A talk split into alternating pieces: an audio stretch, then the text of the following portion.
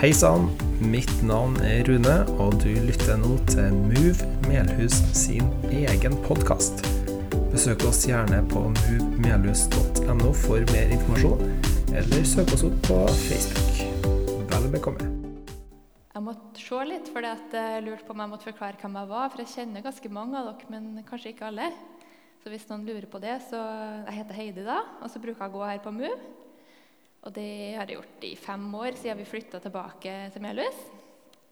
Og vi, det er da meg og Øyvind, mannen min, som sitter og styrer bildet i dag. Han skal forhåpentligvis hjelpe meg så det kommer forskjellige bilder til meg. Og så har vi tre unger som ikke er med i dag. Jeg er en supervanlig person, har jeg skrevet her. ja. Jeg har noe, som sagt, nå går på Move og har familie her. Og så har jeg en jobb på si. da, Det er en 80% stilling, så jeg kan kanskje ikke si at det er på si. da, Men jeg har en jobb på Øya videregående. Da jobber jeg på kontoret. Og så tenkte jeg Hvorfor skal kontordama ha tale på Move? Eh, det er kanskje litt eh, rart, eller Nei. Når Rune spurte meg, så tenkte jeg ikke på det i det hele tatt. Jeg bare sa ja med en gang. Jeg. Eh, for det er jo fordi jeg har så mye på hjertet. Men så tenkte jeg kanskje jeg må tenke ut hvorfor dere skal vil høre på meg. Eh, det kom jeg egentlig ikke på, men jeg har veldig mye på hjertet, så kanskje kan det komme noe bra ut av det. da. Jeg syns at eh, jeg hadde lyst til å få opp et sitat, for at jeg er så opptatt av noe som Trygve Skaug, dikteren og sangeren, har skrevet. Skulle ønske at det fantes en garanti for at de som hadde aller mest på hjertet, også var de som hadde aller mest inni det. Og det er også ofte at det ikke er sånn. At de som snakker så mye, så har de egentlig ikke så mye å si. Og så er jeg ofte redd for å være den som bare begynner å skravle i vei. sånn at det er nok ganske mange av dere som kjenner meg som en som er litt rolig, og som ikke sier så mye. Men jeg går egentlig rundt og tenker på ganske mye. Men så vet jeg det at det er mange som ikke er like interessert som meg i f.eks. politikk og Bibelen og sånne ting som jeg går og tenker på. Så blir det ofte så liksom helt tilbake. For hvis det først begynner, så bare raser det ut. Eh, og nå jeg skjønner ikke helt hva Rune har tenkt på, for nå har jeg fått en halvtime og vel så det til å snakke uten å bli avbrutt. Så nå kan jeg jo bare liksom men da tok jeg fram det her bare for å minne meg sjøl på at hvis jeg skal si noe, så skal det være noe òg. Da skal det ligge noe bak det. Når jeg skulle snakke om nestekjærlighet, så tenkte jeg hvis det skal være sånn at jeg skal snakke, men ikke være en som bare sier ting uten å gjøre det, så må jeg enten så må jeg jeg hadde ca. en måned på meg da, før jeg ble spurt. Enten da måtte jeg rekke å bli perfekt da, på én måned og så snakke ut fra sånn som jeg syns det burde være. Eller så måtte jeg bare være den jeg er, og så må jeg prøve å snakke ut fra sånn som tingene er. sånn som jeg ser det da. Så jeg endte opp med det siste. Det var for kort tid til å bli perfekt. Eh, så jeg skal snakke om nestekjærlighet, både hvilke mål vi kan ha, men òg hvordan det føles ut som at det er på ordentlig. Eh, skal vi se Skal ikke vi ta denne punktlista nå? Jeg har tre punkt, vet du. For jeg er litt sånn eh, ordensperson på papiret. Så jeg skal snakke om tre forskjellige ting. Jeg skal begynne med å snakke om Jesus. Det er litt viktig å begynne med det viktigste.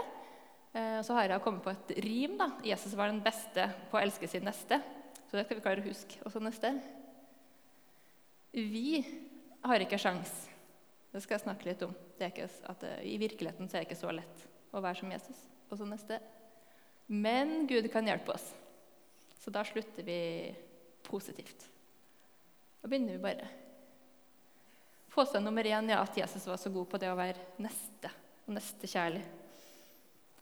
Ja. Eh, jeg, ja, jeg har funnet det. Jeg, og jeg skulle egentlig ønske at jeg var en sånn god historieforteller, men det er jeg ikke. altså.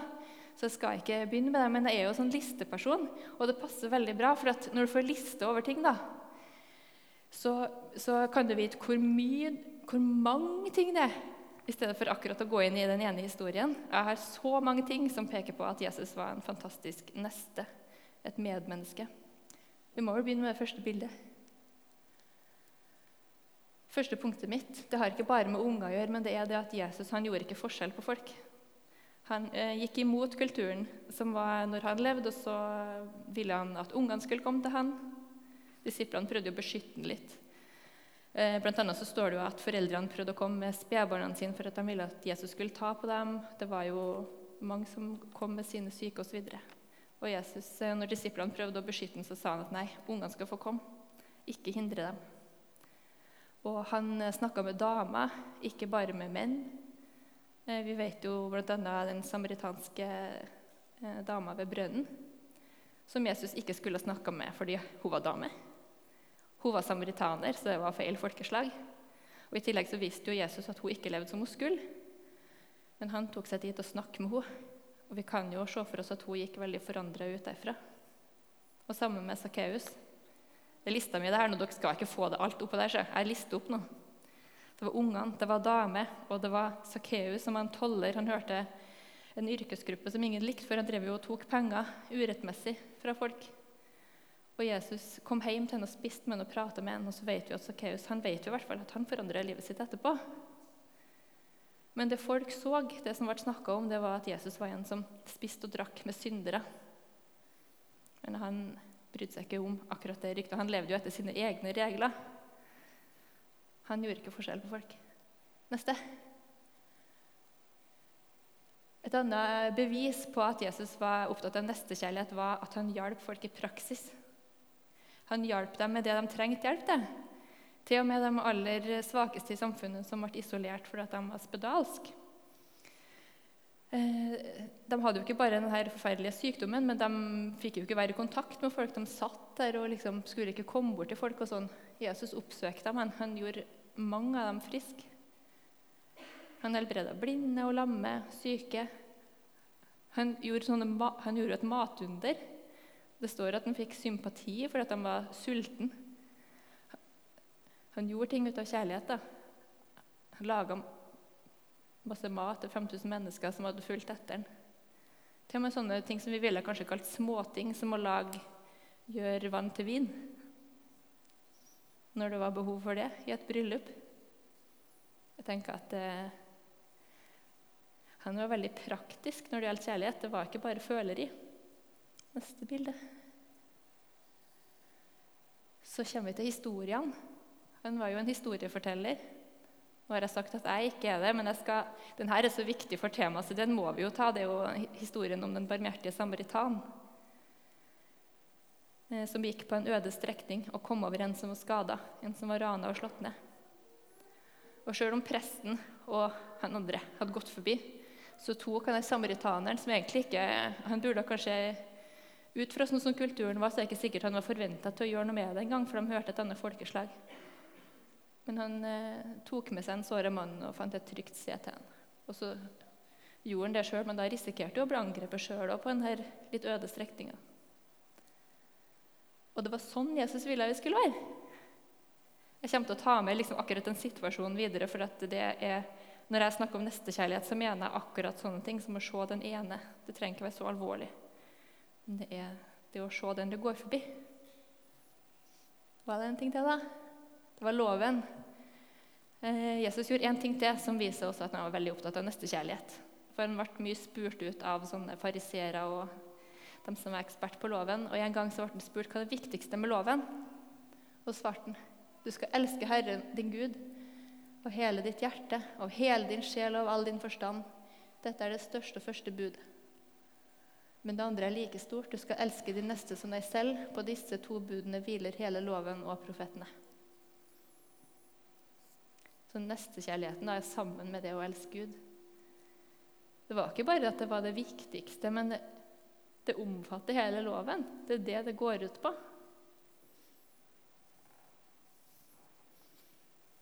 Det var Jesus.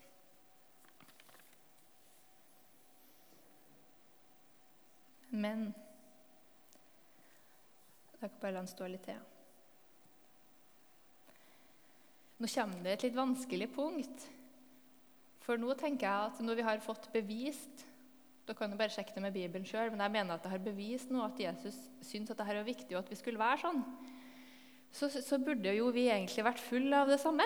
Og vi burde jo, Det er jo greit at vi er på gudstjeneste, men eh, vi skulle jo egentlig ha ramla inn fra alle gatene vi var ute og helbreda folk. og vi skulle ha vært, og Det skulle liksom rent over av nestekjærlighet, og vi skulle ha vært ute og proklamert. og Det liksom, det, skulle, det høres ut som jeg ikke mener meg mener det. Altså, det skulle egentlig vært sånn. Og så syns jeg ikke at vi skal gå ut og ha dårlig samvittighet for at det ikke er sånn. For det er ikke sånn at vi er Jesus. Men eh, jeg tror det er egentlig sånn Jesus vil at vi skal leve. Og at vi har litt vei å gå. Det tror jeg. Så kommer vi helt sånn flytende og fint over til neste punkt, som heter 'Vi har ikke sjans'. Sånn som det ser ut nå, så ser det ut som at vi ikke har sjans til å være helt sånn som Jesus. Han brukte all tida si, så vidt vi vet ut fra Bibelen, i hvert fall, på å gjøre gode ting hele tida. vi har ikke sjans, for eh, det med nestekjærlighet det handler heller ikke om en følelse eller bare å bestemme seg for noe, men det er en vane, og det, det er handlinger som vi må legge til oss. da. Jeg har en, et bilde der. Jeg ser dere hva det er? Det er sånn tanntråd.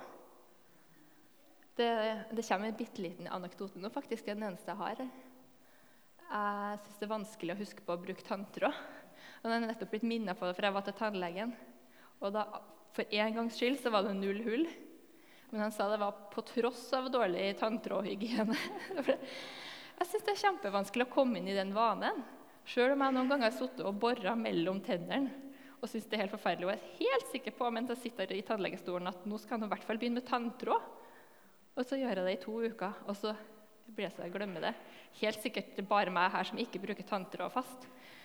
Men jeg tenker sånn her, hvis det er vanskelig for meg å begynne med tanntråd, da er det vanskelig å begynne å bli som Jesus. Sånn der Bare snu om og akkurat bli som Jesus.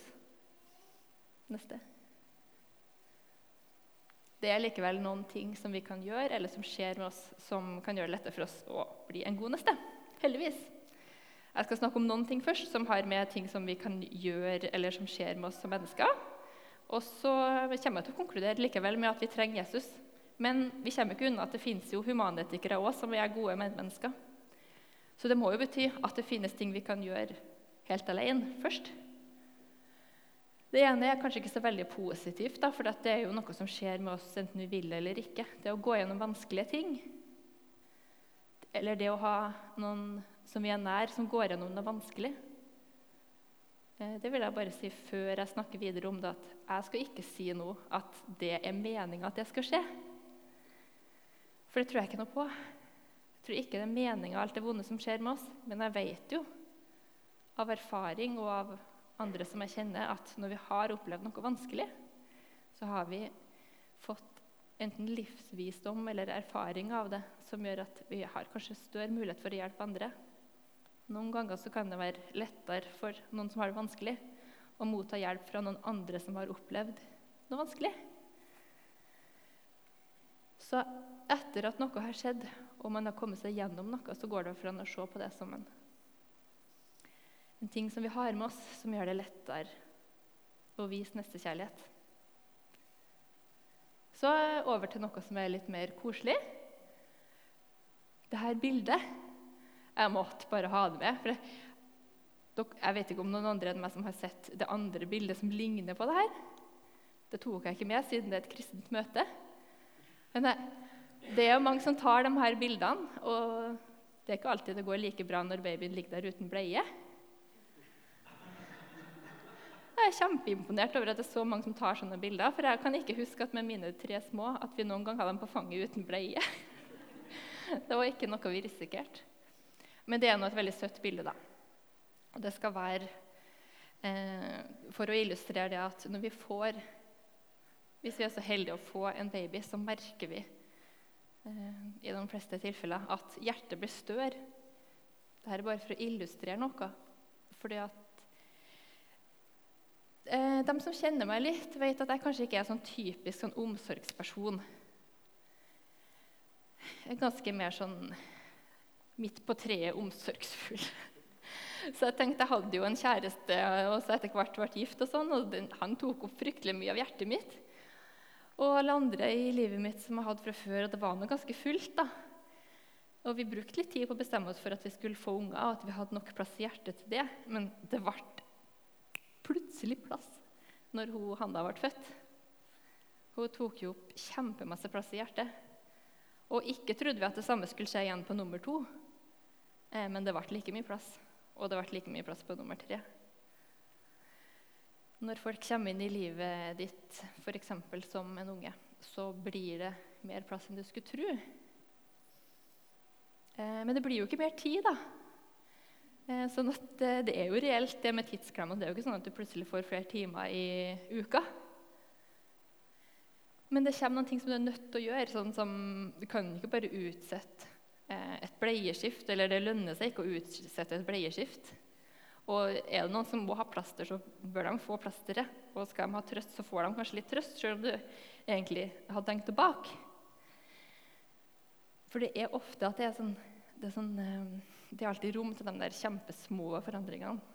Og det blir man jo tvinga til som småbarnsforeldre. Men det sier oss litt om i livet òg, tenker jeg, at vi har jo ganske ofte muligheten til å snu bitte litt på ting. For det å plutselig bli bedre på nestekjærlighet tenker jeg ikke handler om at du plutselig skal vie alle ettermiddagene til frivillig arbeid. Det er ikke sikkert du plutselig får tid til det. Men vi får jo tid til det ekstra bleieskiftet, så vi kan jo få tid til den ekstra andre lille tingen òg. Jeg tenkte på hva andre ting det kunne være, og det er jo sånne ting som egentlig ikke tar så lang tid. For Det kan jo bare være at det er en kollega på jobben som du merker at trenger egentlig å ta en prat i lunsjen. Men du hadde planlagt å sitte og kose deg i ro og fred. Eller finne på noe annet. Og da går det an å bytte ut den opprinnelige planen med å ta den praten. Eller etter fotballtrening at du hører at noen egentlig ikke har skyss hjem, og så bor den personen helt feil retning, men du har jo egentlig mulighet til å svippe den andre veien og kjøre hjem igjen. Det sånn, trenger ikke være noe mer komplisert enn det. Neste. Så det her er Nora, dattera mi, når vi er i Sør-Afrika. Eh, jeg er veldig klar over at det er sånn typisk sånn eh, nordmann har vært i Afrika-bilde. Eh, og vi har, vi, vi har, ikke vært der lenge, vi har vært der bare tre uker. Så jeg skal ikke komme og si at vi er noen sånn humanitærarbeidere som har ofra masse. Men dette punktet handler om perspektiv.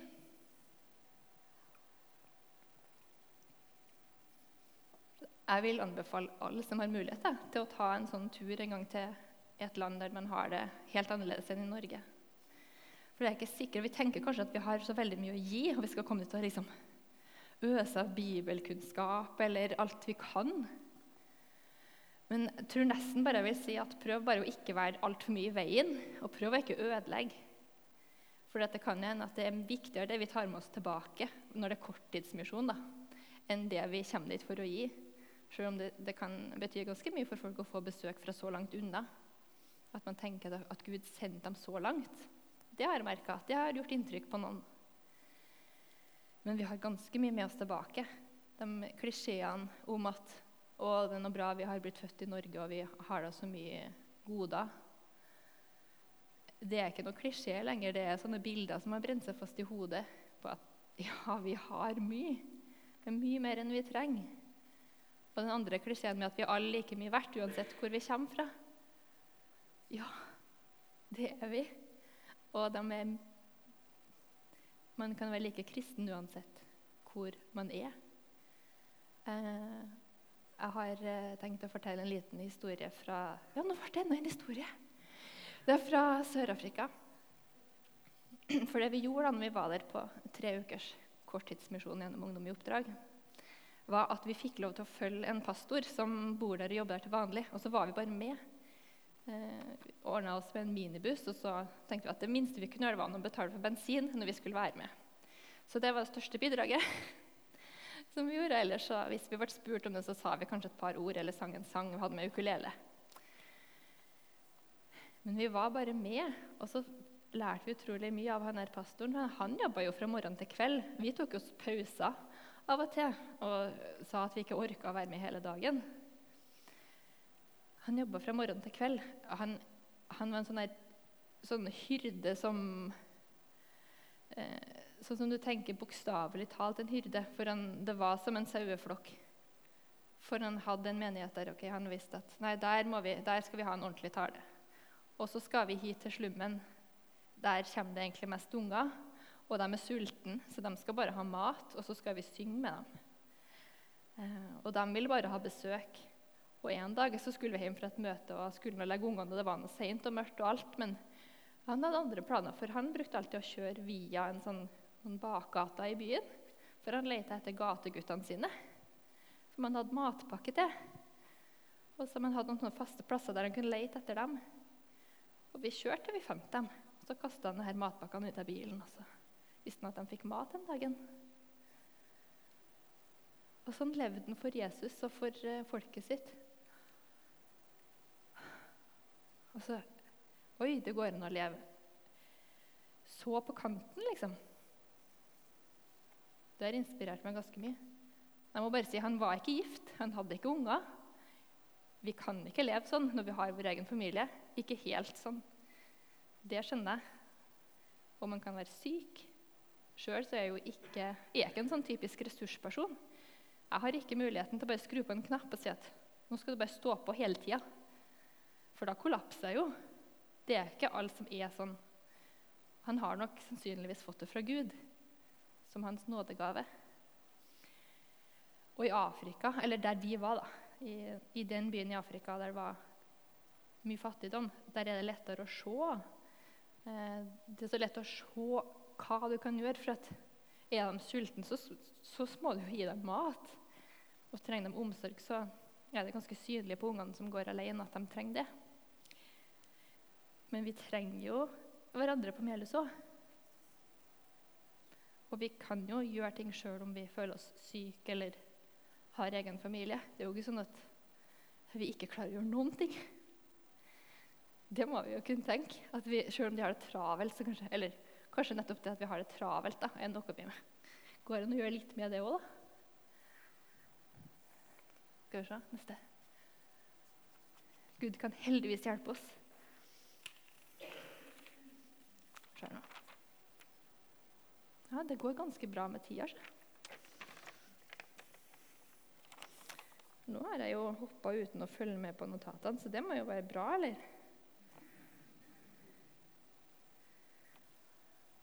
Det er jo 'Men Gud kan hjelpe oss'. Det er favorittdelen min av det som jeg har planlagt å si i dag. For det er så fantastisk. For at, eh, nå har jeg sagt alle de tingene her, bortsett fra kanskje det som hadde med, med Gud å gjøre de fleste tingene som jeg sa i stad, det, det kan alle gjøre. Og det er kjempemange som engasjerer seg i frivillig arbeid og sånne ting uten at de er kristne. Men vi, kan, vi, har en sånn ekstra dimensjon som vi har tilgang på, som jeg tror vi ikke tenker på hele tida. Altså. Eh, jeg, jeg skulle ønske at det vistes hvor, hvor, hvor bra jeg syns det er. Det burde jeg liksom rent over. da. Se om vi har eh, Ja, det er bibelversene som kommer, da. Ja, da må vi ikke ha dem helt ennå. Jo, vi må ha det. Jo, for det er jo, Vi må ha det fra Bibelen, selv om jeg tenker egentlig at jeg bare har lyst til å si det. Men må, dere har jo ikke tenkt på det i en måned, sånn som jeg har, så jeg må jo vise dere bevisene for at det faktisk er som det står i Bibelen. Gud har skapt oss til å være sånn som han. For det første, han har jo skapt oss, og han kjenner oss. Gud skapte mennesket i sitt bilde.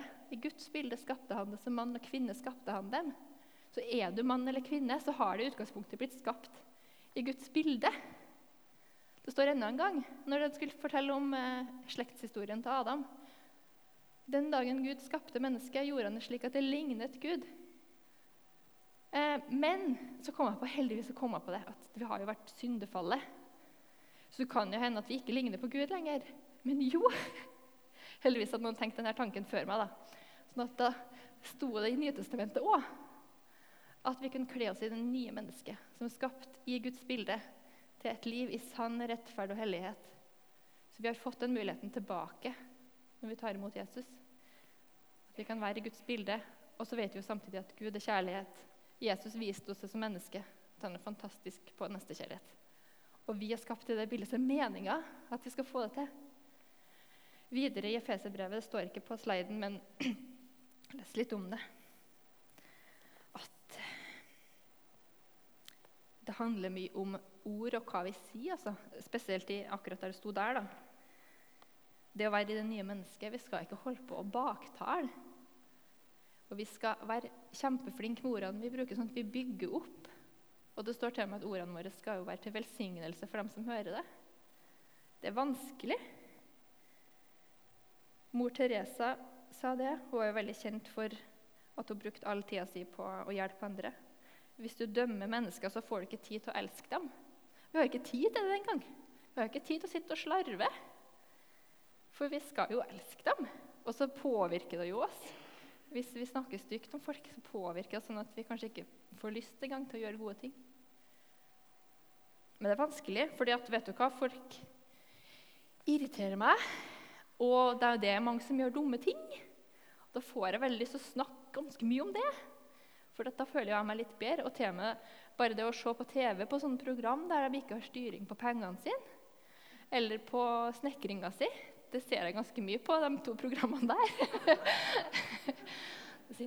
Sinnasnekkeren og Luksusfellen.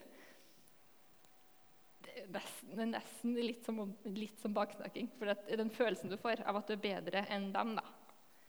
Må bare fortsette å se på. Jeg tror jeg kommer til å fortsette å se. Det er ganske artig.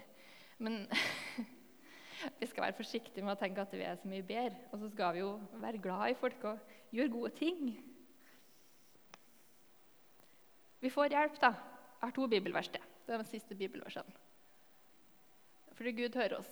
Og Spesielt når vi ber om det her. Han har jo så kjempelyst til at vi skal be f.eks. om å ikke holde på med baksnakking. Det vil han jo hjelpe oss med. Men òg det å bli en god neste. For det er jo hans vilje. Og dette er vår frimodige tillit til ham, at han hører oss når vi ber om noe som er etter hans vilje. Du kan jo be om hva du vil, og du kan jo merke at du ikke alltid får det. Gud gjør jo ting i sin tid òg. Men er det litt brannfakkel å si at noen gang ber vi kanskje feil òg? Ber om feil ting noen gang. Hvis du ber til Bibelen, da vet du i hvert fall at Gud hører. Hvis du har en bønn, og så lurer på om den er noe særlig bra, og så finner du støtte for det i Bibelen, da vet du at det har Gud lova, at det hører Han. Han vil hjelpe oss. Òg. Vi er faktisk så heldige at vi ikke engang trenger å vite hva vi skal be. Fordi Ånden kan be for oss, og vi kan be Den hellige ånd om å be for oss hvis ikke vi helt vet hvordan vi skal formulere det. På samme måte kommer også Ånden oss til hjelp i vår svakhet, for vi vet ikke hva vi skal be om for å be rett. Men Ånden selv går i forbund for oss med sukk uten ord. Og Han som gransker hjertene, vet hva Ånden vil, for Ånden ber for de hellige etter Guds vilje. Du kan jo ha en bønnestund uten å si et ord, og bare be om at Guds ånd skal be for deg. Det er supert. Jeg er snart ferdig nå. Jeg skal si en ting til. for det er, I tillegg til å be så har vi noen sanger som hjelper oss veldig. Jeg synes det er noen sanger som, eh, som, setter ord på det som jeg ønsker å be om. Eh, sånne sanger som 'Hjerteslag', som vi skal synge etterpå her. De, de, setter ord på ting som jeg ikke nesten hadde tenkt før jeg hadde sunget sangen. Det at uh, Gud kan hjelpe oss å se ting. Gud vekker opp mitt indre, så jeg kan lære å tenke som deg. Gud, åpne opp mine øyne, så jeg ser hvem som trenger deg gjennom meg. Det overnaturlige kommer inn, og Gud hjelper oss. Ja, nei, oh, hadde ikke noe mer. Vent litt, da. Jeg har, for jeg har nemlig tenkt å si en bitte liten ting til. Ja Det er jo nettopp Hvor ble det av? Ja, jeg hoppa over det, for det er akkurat det der med at Gud Gud kan hjelpe oss på tross av oss sjøl. Det er det som er så bra for oss kristne, som de andre ikke kan få. nemlig. For at når vi er kristne, så kan vi hjelpe til i situasjoner der vi av natur ikke er så gode. Hvis du føler at du burde hatt styrke for å klare denne tingen her, og så er du svak eller føler deg svak, så vet du at du kan klare det, fordi Gud er jo sterk. Hvis du er uoppmerksom, ikke en som nødvendigvis ser alle behov automatisk. Så kan Gud se det og vise deg hva du kan gjøre. Og hvis du ikke har nok kunnskap, så kan faktisk Gud gi oss kunnskapsord noen ganger. Og hjelpe oss å se hvordan akkurat vi kan være den som kan hjelpe til. Det er det å se den ene, da. Vi er kalt til det, å være den som ser, sånn som i, samaritanerhistorien. Være den som stopper opp i stedet for å tenke på hva det var du skulle rekke. Og så har vi lov til å være den som tar imot.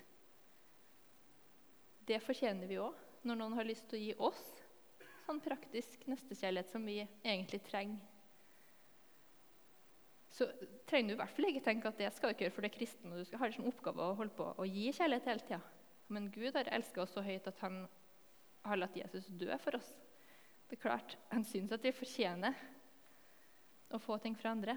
Vi fortjener å ta imot nestekjærlighet, og vi kan lære gjennom å få ta imot at vi senere har lyst til å gi. Det inspirerer. Så gi og ta. Se den ene, vær den ene. Eh, og Som avslutning så vil jeg egentlig at vi skal synge den sangen. for den egentlig, Jeg hadde egentlig ikke trengt å ha den siste biten av talen, for den skal synge der. At Gud kan hjelpe oss. Takk. Jeg rakk det òg.